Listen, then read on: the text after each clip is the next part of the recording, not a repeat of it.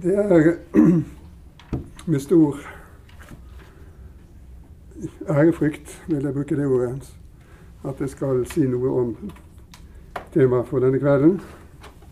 Forsoningen og Det nye testamentet. Med ærefrykt fordi vi her er inne i det dypeste og mest grunnleggende i frelsens mysterium. Og eh, det er et tema som hvor ord ofte ikke strekker til.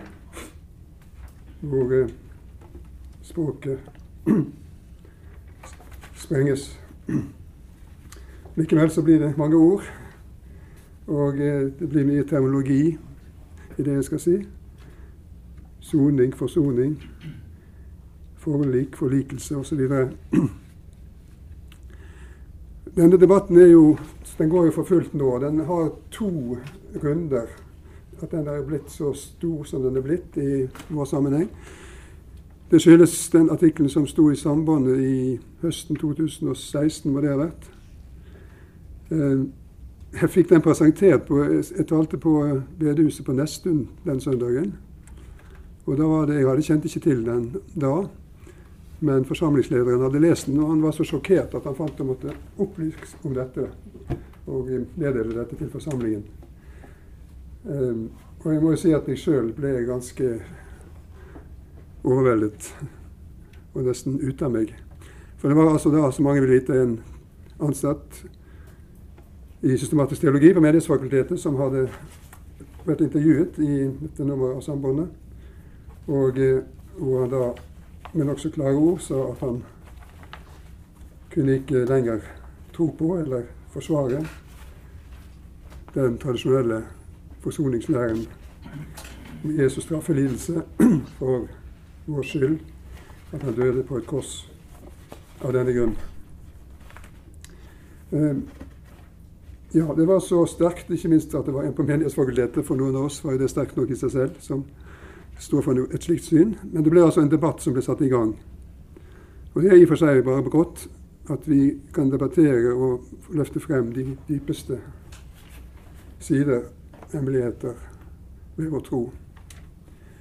Men eh, det er også en vanskelig debatt. Det andre som gjør at denne debatten har fortsatt nå i, i, vårt land, jeg tror det er nesten i hver uke iallfall, i to måneder tror jeg minst, og på verdidebatten, som ikke står i vårt land, det er flere årsaker til det, men det er bl.a. en bok som har fått mye oppmerksomhet, og som senest er omtalt i Vårt Land i dag. Vår Gud, han er som Markus Borg? spørsmålstegn. Det er jo journalistisk god sak, da. Markus Borg har altså gitt ut en bok, eller som er oversatt til norsk, 'Gjenoppdag kristendommen'. Og Den har fått voldsom oppmerksomhet. Og eh, også fordi han der kommer inn på dagens, det temaet vi har i kveld, og eh, sier at det er ikke noen plass for det tradisjonelle synet på dette i det han kaller kristendom, og som da skal gjenoppdages uten dette. Eh, det er så radikalt at jeg kan ikke gå inn på det, den boken. Jeg kjenner jo han som, som fagmann, så kjenner jeg jo til han. Jeg var ikke overrasket over det han skriver, men det har fått en altfor stor oppmerksomhet egentlig da. Han sier egentlig ikke noe nytt, men uh, han sier det på kanskje litt amerikansk måte. Den anmeldelsen som står her, bare lese det. Gjenoppdag kristendommen baserer seg på et Jesusbilde som verken representerer evangelienes Jesus, kirkens tro på ham, eller bredt anerkjente konklusjoner blant forskerne. og da er det ikke mye, mye igjen. og det tror jeg er en kort formel for å få det. Det har lite og ingenting med evangelienes Jesus å gjøre, slik vi leser dem, og, ikke, og lite og ingenting med kirkens tro på Jesus å gjøre. Men av den grunn får det altså en veldig oppmerksomhet.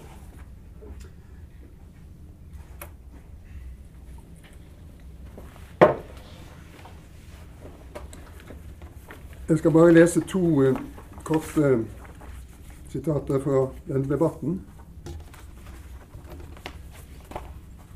Bare for å se da, hvilke dimensjoner det har i vårt land, den siden der. En gud som lar sin sønn bli torturert til døde.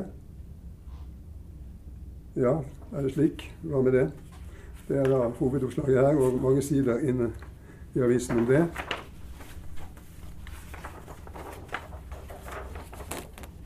Geir Otto Holmås, som eh, nytestamentler på Menighetsfakultetet var, som sluttet der av forskjellige grunner. Han eh, har en bok, nå som eller den kommer øyeblikkelig, men han, får ut, han nevner noe fra denne boken i et intervju her eller i Vårt Land i januar. Og han sier da at han etterlyser i denne boken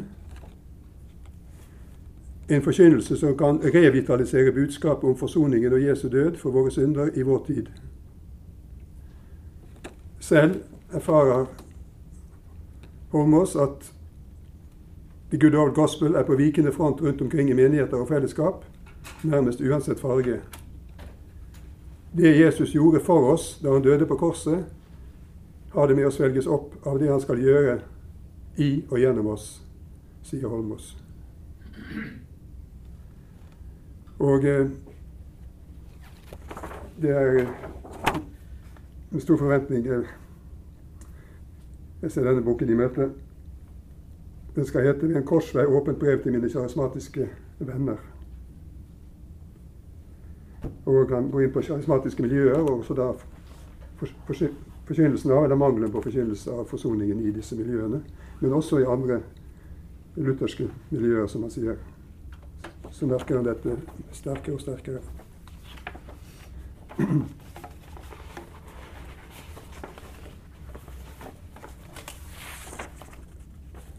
Så et, i et innlegg, litt innlegg av Eivind Skeie 16.1. Med utgangspunkt i Markus Borgs bok, han også.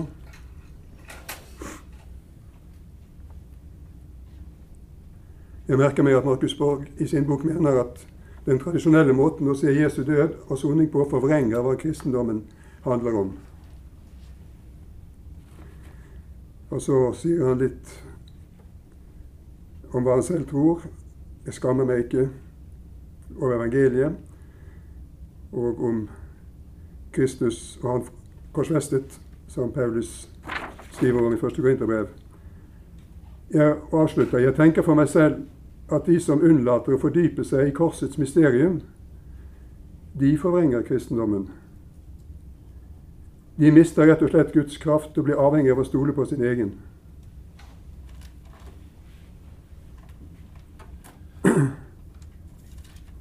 Jeg håper at kraften som skal åpenbare seg, det er den kraft som er i Kristi kors.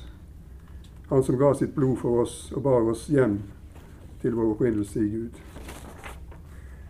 ja, vesentlige innlegg i debatten. Og det har vært mange, mange andre. Men la oss komme til det jeg vil si.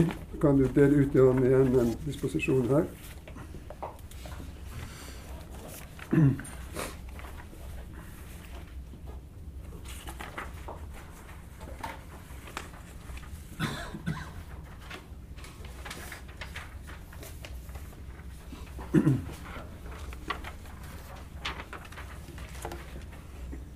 Og Vi må begynne med filologi. og Den er litt innviklet her.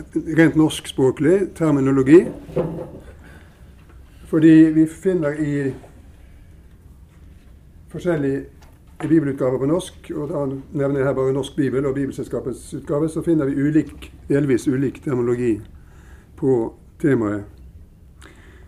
For Norsk bibel har fremdeles opprettholdt den gamle tradisjonen med å snakke om forlikelse og å forlike. Eh, jeg var litt spent på det når det kom en revisjon i 2007, om det ville være forandret.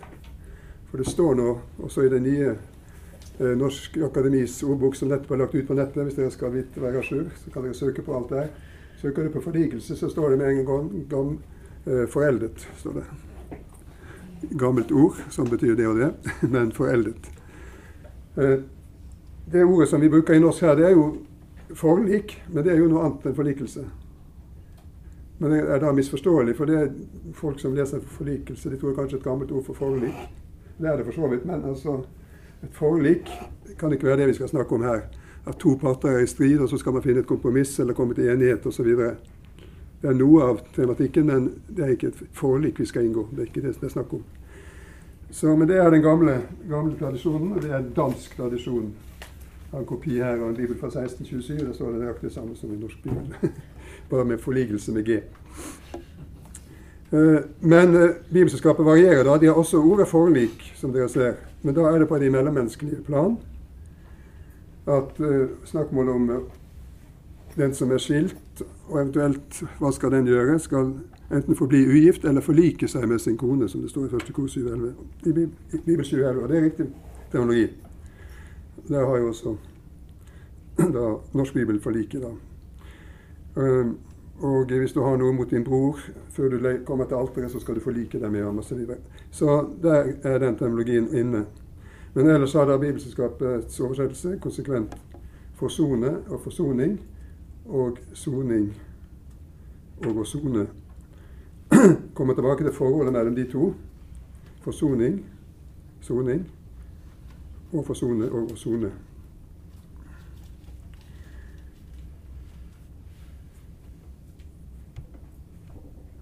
I, uh, på hebraisk så betyr det tilsvarende ordet kipper, det betyr ha noe med å stryke ut og dekke til å gjøre. Det er noe som dekkes til for at synderen skal komme i det rette forhold til Gud.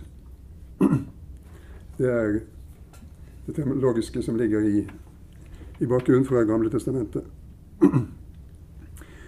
Uh, Nå ser dere at det er ikke så mange steder dette ordet brukes. Jeg har faktisk ført opp alle stedene der, hos Paulus f.eks. Så er det ikke mange stedene han bruker eh, denne greske terminologien. Han bruker den med litt ulike ord, vil si samme ordet, men med litt ulike prefikser. Men uh, omtrent med samme betydning, da. Men, mens den soningsterminologien som vi møter da her i 1. Johannes brev, 2.2 og 4.10 den eh, forekommer eh, ikke direkte hos Paulus. Bortsett fra vi har altså noe som vi kommer tilbake til et sted. Men det er relativt få steder alt i alt i den terminologien i Det nye testamentet. Men eh, det betyr ikke at dette er et lite omtalt forhold. Det forekommer med andre terminologier og på annen måte i sak overalt, egentlig. Men selve den fagterminologien om vi skal si det sånn, er altså relativt sjelden.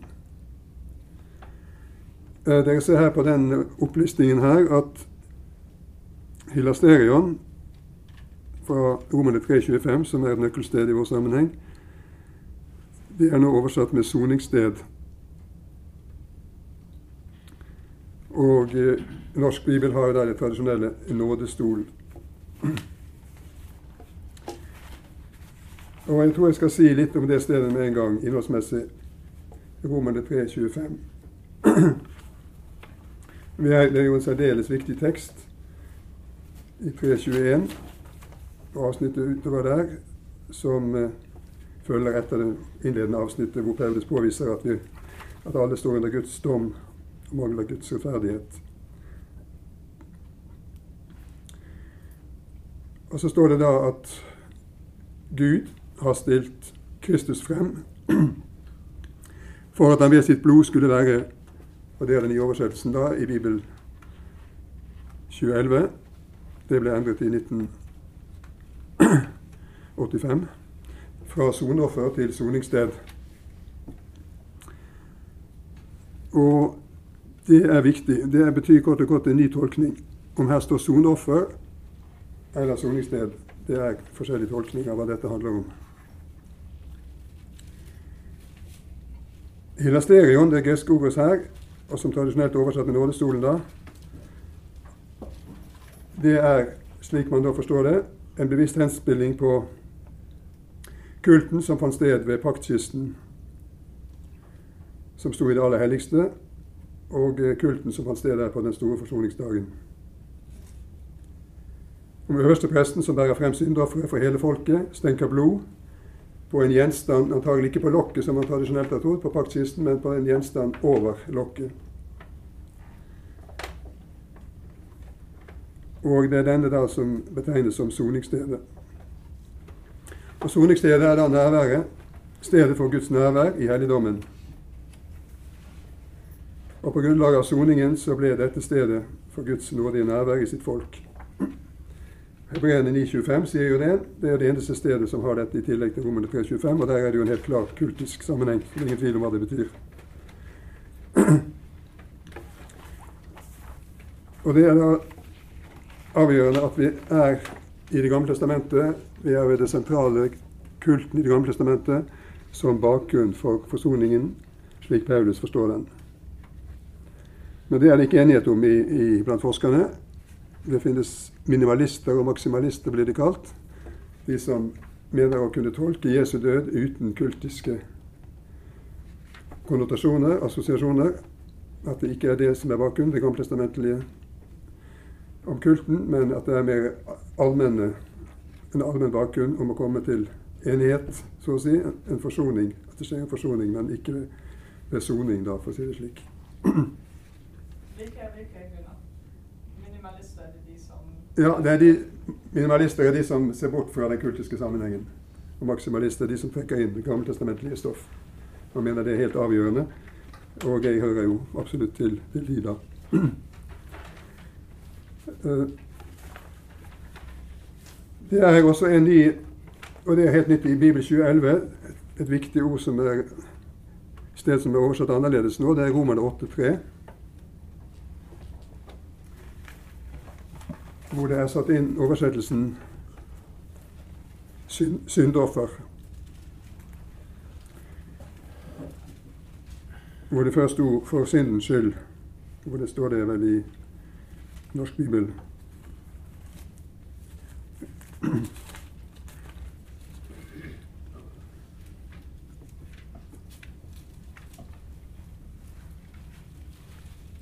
Det som var umulig for loven, siden den sto maktesløs fordi vi er av kjøtt og blod, det gjorde Gud. Han sendte sin egen sønn som syndoffer. Altså for syndens skyld, står det vel ellers. Stemmer ikke det? igjen? Han sendte sin sønn i syndig lignelse Ja, det kommer her også etterpå. Ja. for syndens skyld. ja, for syndens skyld. Det er det som er forskjellen. Men nå står det altså 'som syndoffer'. Det der har en, Jeg skal ikke gå veldig mye inn på det, men det har bakgrunn i Septuaginta, den greske oversettelsen av Det gamle testamentet, som her har en eh, som, gjen, som gjengir en teknisk term i den hebraiske teksten med peri hamatia, og det er da syndoffer som eh, ligger til grunn i Gamle testamentet for den greske terminologien. Og den er den samme som vi da møter her, og som dere ser også et annet sted.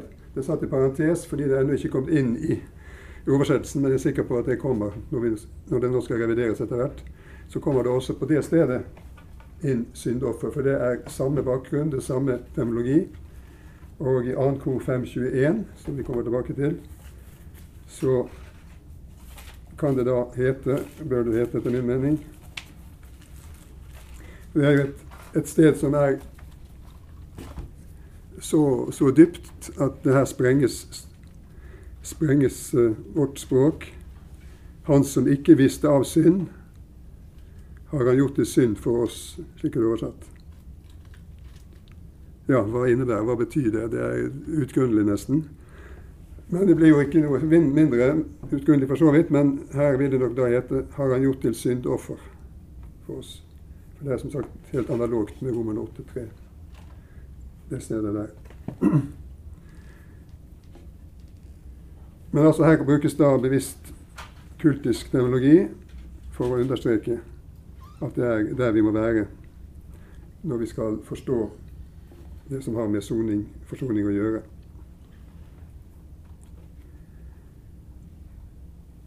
Ellers er det jo da viktig å være klar over, og det vet vi jo, men minne hverandre om hva som er utgangspunktet for alt dette som har med forsoning og soning å gjøre det er menneskets fiendskap mot Gud. mens vi ennå var Guds fiender. Mens vi ennå var syndere, mens vi ennå var svake. Paulus bruker den samme vendingen på litt forskjellige ord. I Romerne 8. Kolosserbrevet fiendskap mot Gud. Romerne 8,7. Kolossene 1,21 fiender av Gud i sinn og tanke. Og dette er på en måte forut, forut formulert på sin måte i Første Mosebok 8,12.: Menneskehjertets tanker er onde fra ungdommen av. Og med sin ondskap, sitt harde hjerte, hoper mennesket opp Guds vrede over seg. Og som hellig reagerer Gud på synd, jf. Vredesbegeret, straffebegeret i Det gamle testamentet, som uttrykk for hans vrede over synden. Det begeret som Jesus måtte tømme i Getsemane.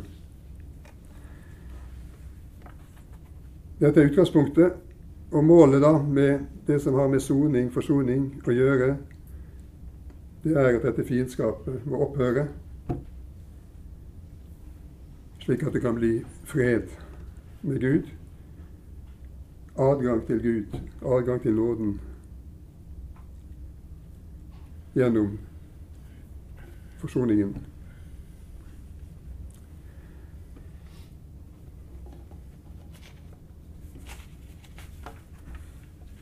Nå er det i den, I den debatten som har pågått og pågår, så er det mange som stadig understreker at forsoning, soning, denne, den terminologien den er nok kanskje til stede i Det nye testamentet, men den må ikke få den dominerende eller få hele plassen. Det er mange andre bilder som brukes i Det nye testamentet når det gjelder å tolke betydningen av Jesu død. Og det er riktig, det er det. Jeg har nevnt noen her. Fiender som blir venner. Det er forsoning på det, altså ut fra det vi på det mellommenneskelige plan, da. Ikke det kultiske her, men det at, at man blir forsonet hvis man er i uvennskap osv. Og, og det er selvoppgivelse. Det å dø for noen, å gi sitt liv for noen. Selvhengivende kjærlighet. Det er motiver fra slaver som kjøpes fri. Forløsning, frikjøpt fortapte som blir reddet. Det er gjeld som blir slettet, et regnskap som taler mot deg, som må endres. Det er slags eh, revisorspråk, eller kjøpmannsspråk. Og det er kamp og seiermotiv om ondskap som skal beseires. Og så er det synder som blir tatt opp, som vi snakker, bort, som vi snakker om nå, med offer, renselse, soning. Og skal vi da kunne si Vi skal jo ha spørsmål, svar og debatt kanskje etterpå. Er dette Alt det andre det er da andre måter å si det på, men det er dette som er det, sentrale. Det mest sentrale, det vi nå snakker om. Og alt det andre må innordnes under det. Det kan vi, Hva slags betegnelse vi skal bruke. Det er iallfall helt sentralt. Det, det kan det ikke være noen tvil om. Og det er, slik jeg ser det, så er det selve grunnlaget for de andre. Men disse skal jo ikke spilles ut mot hverandre, de, er, de går inn i hverandre. Og jeg har lest en del salmer i det siste for å se de, hva slags motiver de har når de har forsoningen. Så er det veldig mange som har faktisk også disse andre også inne i samme salme. Det viser at de, det er selvfølgelig ting som skal gjensidig belyse hverandre. Så, og, og, Paulus, selv om han da sier så sterkt som han gjør i første Korinterbrev, at han vil ikke vite om noe eller av noe annet enn Kristus og han korsfestet, ja, så er det jo han som har en del av de andre bildene òg, da. I andre sammenhenger. Men der og da, i Korint, så var det det eneste nødvendige. Det var det eneste han kunne forkynne i den situasjonen de var. De, de, måtte høre det. Det var ikke noe annet som kunne duge der. Og Det er ikke noe annet ellers heller, men han blir altså så retorisk ensidig at han, han formulerer seg på denne måten at her må du være ensidig. Og det er mange slike debatter hvor vi må bli ensidige fordi det vesentlige står på spill. Og Det er det som skjer i denne debatten, føler jeg. At nå er det så viktig at, at vi blir ensidige. Og vi får beskyldninger for det. Så det er greit. Vi må være for, å understreke hvor helt avgjørende dette er.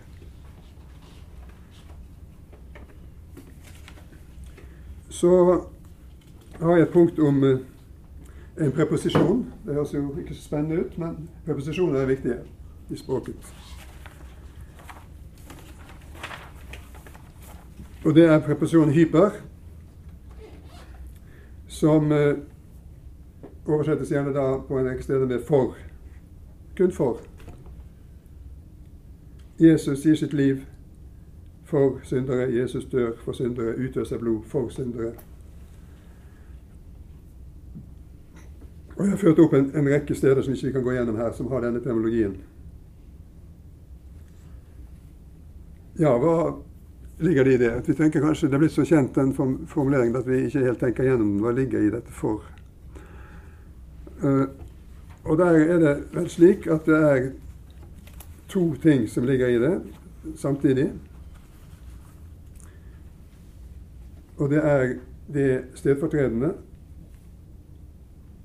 at Jesus dør i stedet for det syndige mennesket som skulle dø og ta straffen. Han tar straffen på seg i stedet for at det rammer mennesket, synderen. Og så er det det representative, som det gjerne kalles.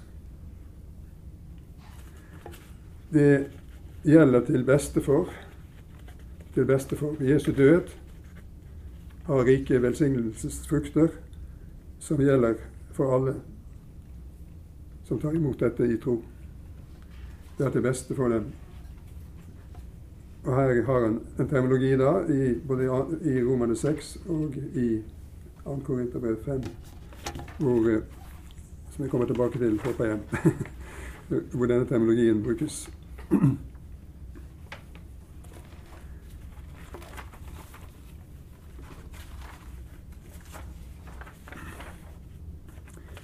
Hvis vi stiller spørsmålet om hvordan Jesus selv Hvor mye taler Jesus om sin egen forestående død? Hva sier han om den? Hvordan tolker han den? Ja, nå forutsetter jeg at det som står i evangeliene om, om dette, det er, er, slik som Jesus har sagt det. Det er mange som sier at det ikke er ekte, osv. Men og vi vet jo at han forutsier sin lidelse ved tre anledninger. Men eh, jeg skal ikke ta de tekstene der, men stoppe opp ved tre, tre kjente forhold. Og Det ene er løsepengeordet, som vi har i Markus 10,45 og Johan Evangeliet 20,28, og som også har sin bakgrunn i Det gamle testamentet. Det eneste teksten jeg skal ta tid til å lese her, det er fra Salme 49.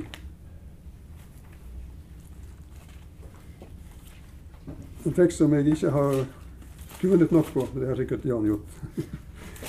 Så jeg kan få vite mer etterpå. Men det er de versene der. Ingen kan kjøpe fri en bror. Ingen kan gi, gi Gud løsepenger for ham. Det er kostbart å kjøpe livet, eller sjelen, kan det også stå her, sjelen hans fri. Det må en oppgi for alltid. Kunne han vel leve evig og aldri se graven? Ja, vers 8 og vers 10, så er det spørsmålet er det mulig. Nei, ingen kan gi Gud lesepenger, og dermed så kan ikke et menneske leve evig. Vi vil måtte se graven.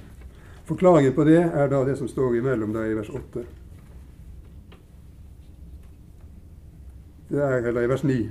Det er, for, det er, kostbart, det er for kostbart å kjøpe livet hans fri. Det er det ingen som kan betale den prisen. Ja, det er andre ting å si om den teksten, men er altså den henspiller på løsepenge, løsepengeordet, som vi måtte annen Mosebok også for å finne mer om. Og eh, Poenget mitt her det er da å si at Jesus forklarer hva virkningen av hans død er. Den har sonende betydning. Jesus betaler med sin død fordi menneskene har forbrutt seg mot Gud. Eh, så det er veldig viktig i det vi nå snakker om, Jesus, om sin offerdød, og trekke inn, trekke inn dette ordet.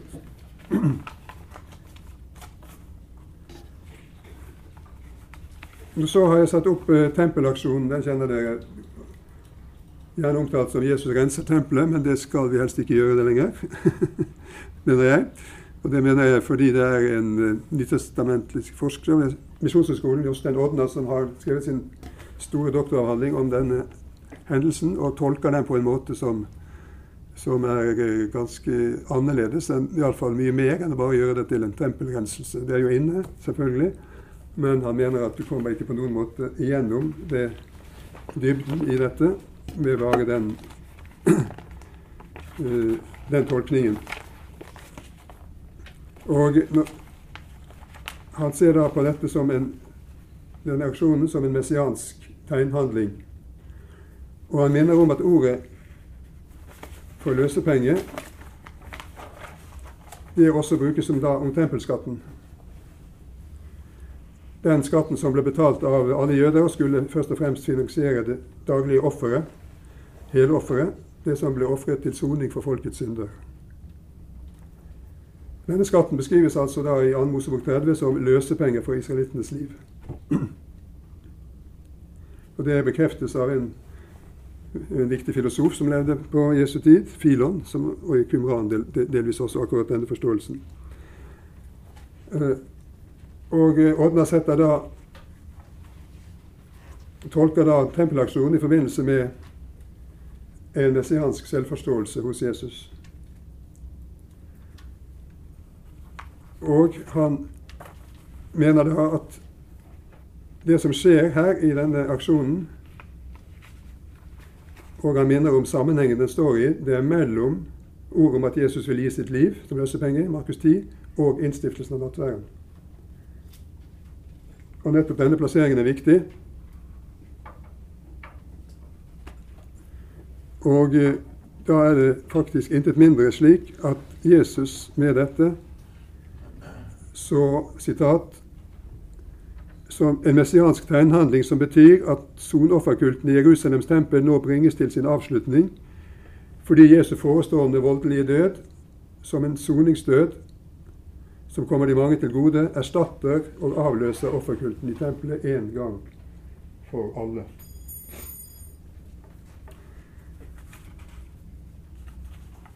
Det er, synes syns jeg, en særdeles viktig tekst i det vi snakker om, at Jesus selv da har forstått dette slik. At han betyr at solofferkulten er kommet til ende. Og det vil da bety igjen at det som sies om nattværen, nattværsinnstiftelsen Og dette er det en jødisk forsker som, som peker på. Den som har skrevet, skrevet mest i nyere tid forskningsmessig Jakob Nysner, eller Neusner.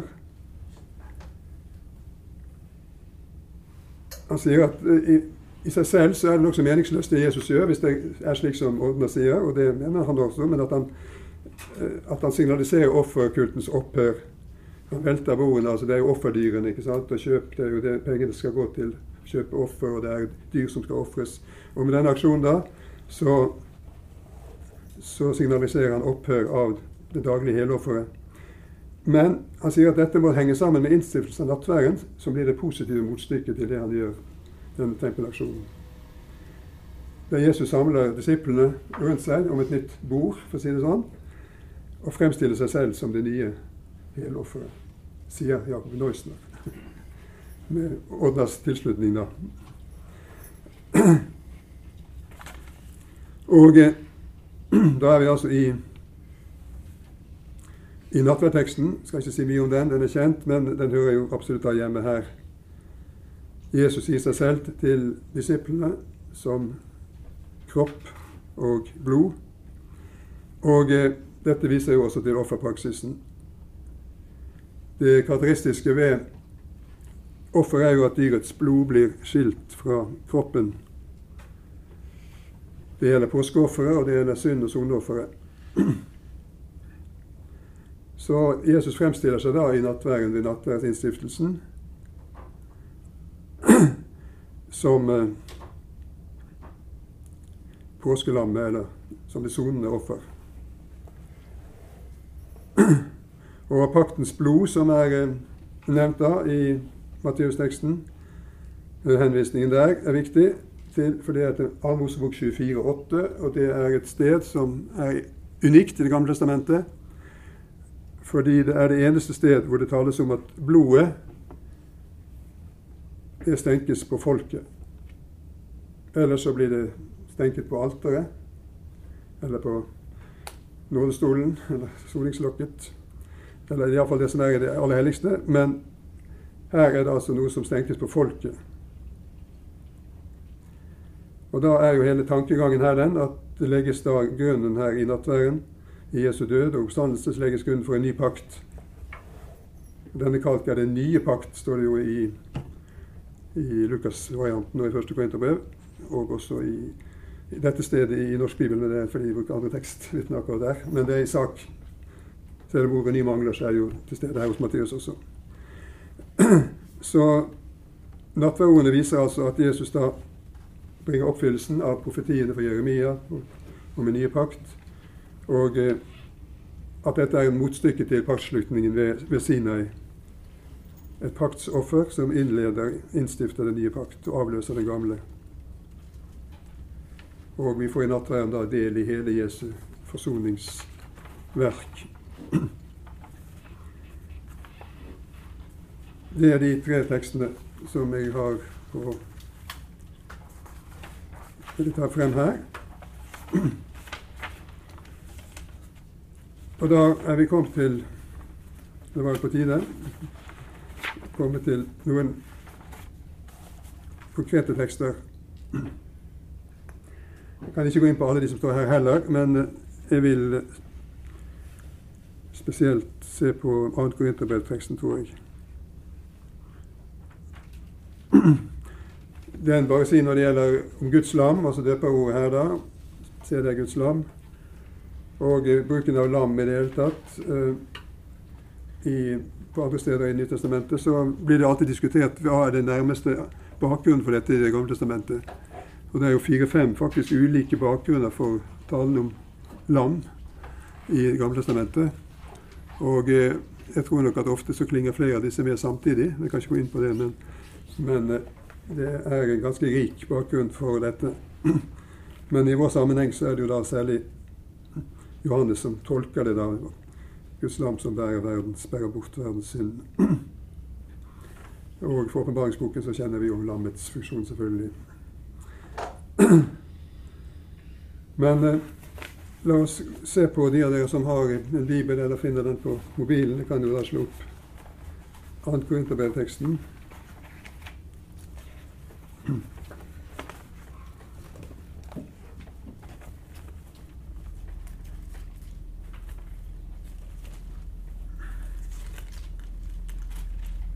Det avsnittet begynner jo i,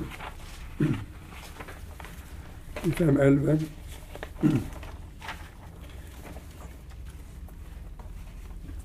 Og overskriften 'Forsoningens tjeneste' i Bibelselskapets oversettelse.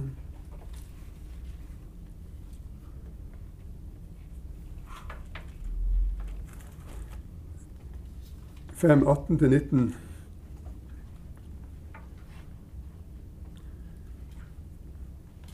Alt er av Gud, Han som ved Kristus forsonte oss med seg selv og ga oss forsoningens tjeneste. For det var Gud som i Kristus forsonte verden med seg selv, slik at han ikke tilregner dem deres misgjerninger, og han betrodde budskapet om forsoningen til oss. Merker dere hvor sterkt det er fokusert her på at dette er Guds eget verk, det er hans initiativ. Alt er av Gud. Han er opphavsmannen for dette. Han er den som virker dette. Det er etter hans egen plan og gjerning.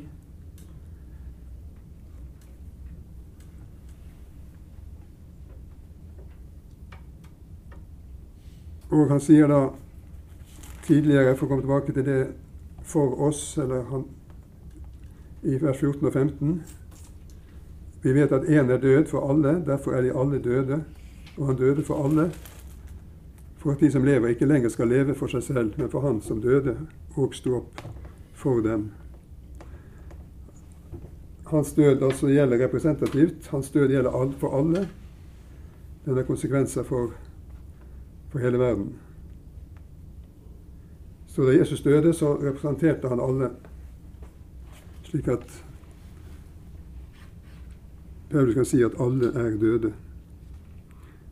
Uh, og Dette er jo også dåpsterminologi, uten at jeg skal komme inn på det. Romerne 6 og dette hva sier her, men det er koblet sammen. og ikke minst da Adam-Kristus-analogien også, med det representative.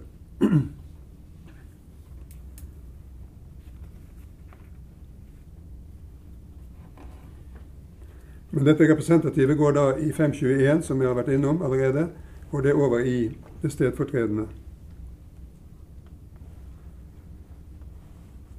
Han som ikke visste av synd, har han gjort til synd for oss, eller han gjort til syndoffer, for at vi i ham skulle få Guds rettferdighet.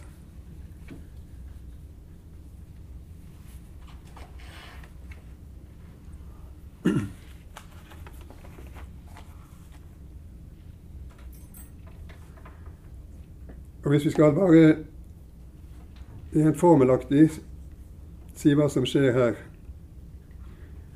hvor vi er ved dybden i forsoningen i Kristus, som vi ikke noen av oss kan forstå fullt ut, men så handler det altså Det er Gud som handler i Kristus. Det er Gud som kjemper i sin kjærlighet til menneskene. Han kjemper med seg selv.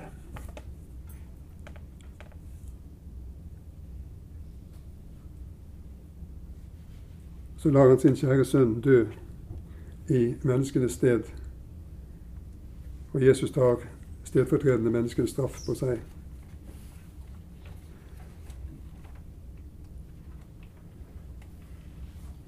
Så hvis vi spør etter hvem som er initiativtakeren her, så henviser Paulus altså sterkt og kraftig til, til Gud og hans kjærlighet. Og så Romerne 5,8.: Gud viser sin kjærlighet til oss ved at Kristus døde da vi ennå var syndere. Altså det er en kjærlighetsgjerning. Det er Gud i sin kjærlighet hvor han kjemper. Og middelet han henviser Paulus henviser oss til Jesus Kristus.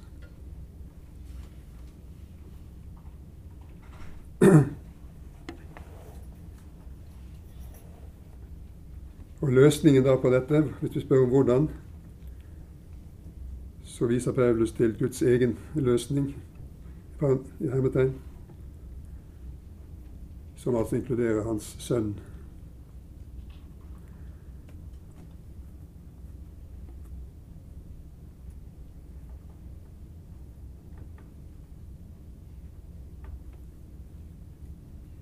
Forsoningen har jo da på den ene side en avsluttet, er en avsluttet engangsbegivenhet. Det er ikke noe mer å gjøre, noe mer å legge til. Aller minst er det noe mer å gjøre om, omgjøre. For, eh,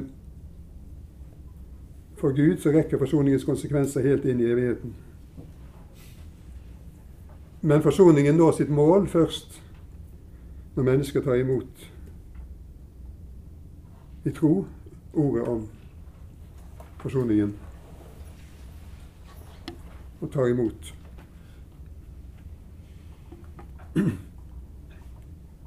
Da har den oppnådd det den skulle.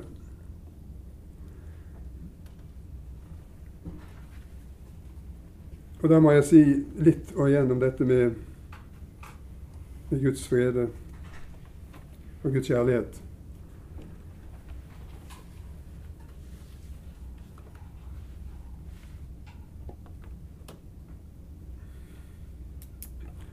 Da må vi se at det er en vesentlig forskjell på de to, i den forstand at Gud er kjærlighet.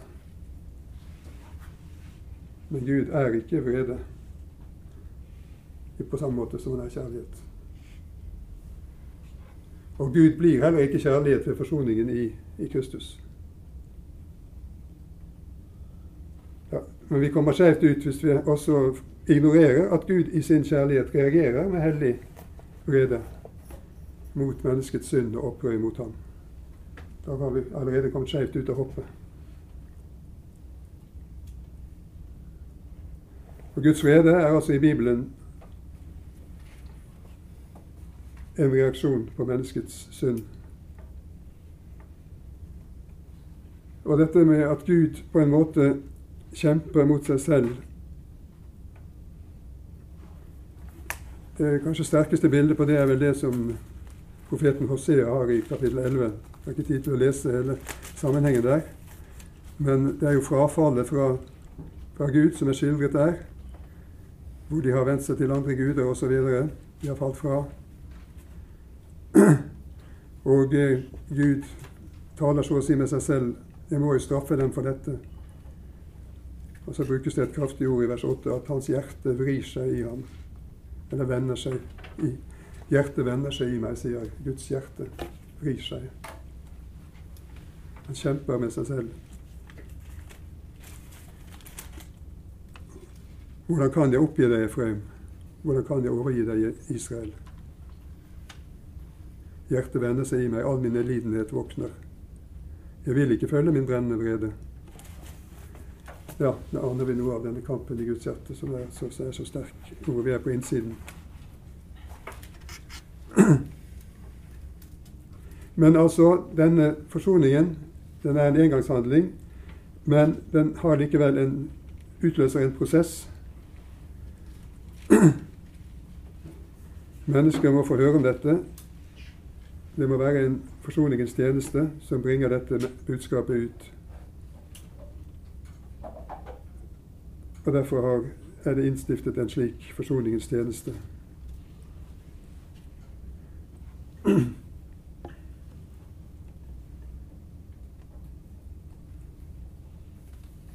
Det var Gud som i Kristus forlikte verden med seg selv.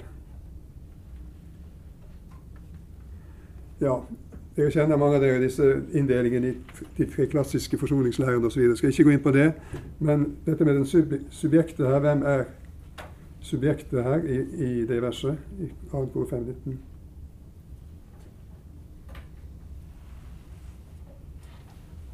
Ja, både Gud og Kristus er subjekt i forsoningen. Og Paulus kan jo ikke tale om Gud uten å tale om Kristus. Han kan ikke tale om forsoningen selvfølgelig uten tale om at vi taler om Jesus Kristus. Og det al finner altså sted et, et oppgjør i eller hos Gud. Så i sin kjærlighet så frelser Gud oss fra sin vrede. Fordi den objektive hindring for den nye relasjonen mellom Gud og mennesker, den er da borte ved forsoningen.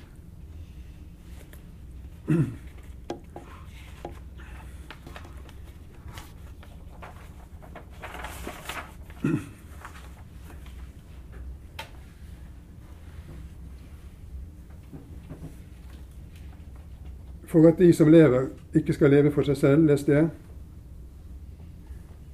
Hensikten med Jesu død er å skape liv. Og når man dør med Kristus, sammen med Kristus, så dør man bort fra seg selv og sitt eget selvliv og får et nytt liv. Gitt til å leve i kjærlighet, ikke for seg selv, men for det korsfestede og oppstandende Kristus. Det er jo her Paulus taler om at Kristi kjærlighet tvinger ham.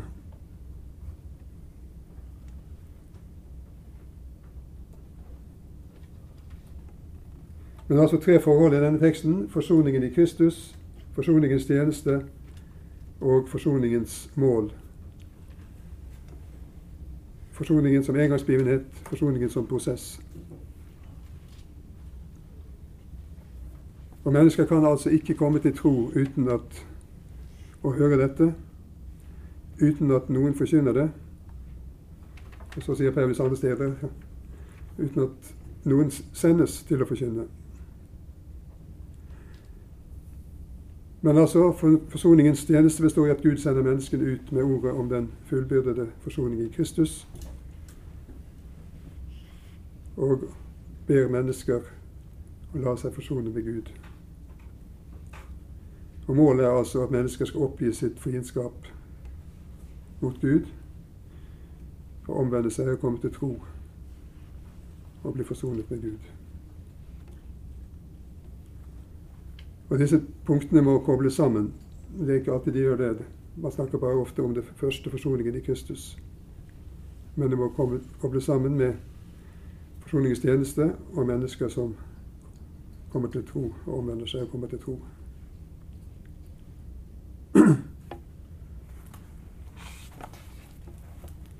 Hva er klokken? Det er ti over åtte. Da har jeg holdt på for lenge allerede. Og har mer på her, men det skal jeg ikke ta frem. Eh, Men la meg likevel lese, iallfall om ikke annet, den første Johannes brevteksten, som jeg hadde tenkt å si en del om.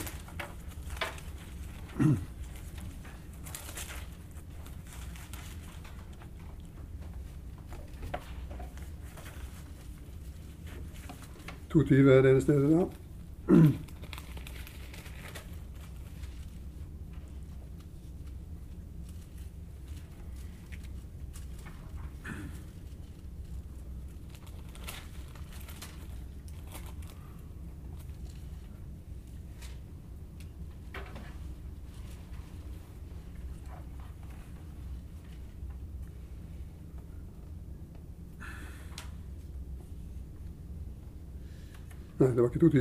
Står det baki her? Det er sånn det.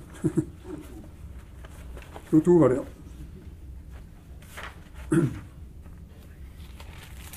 Det var helt skritt.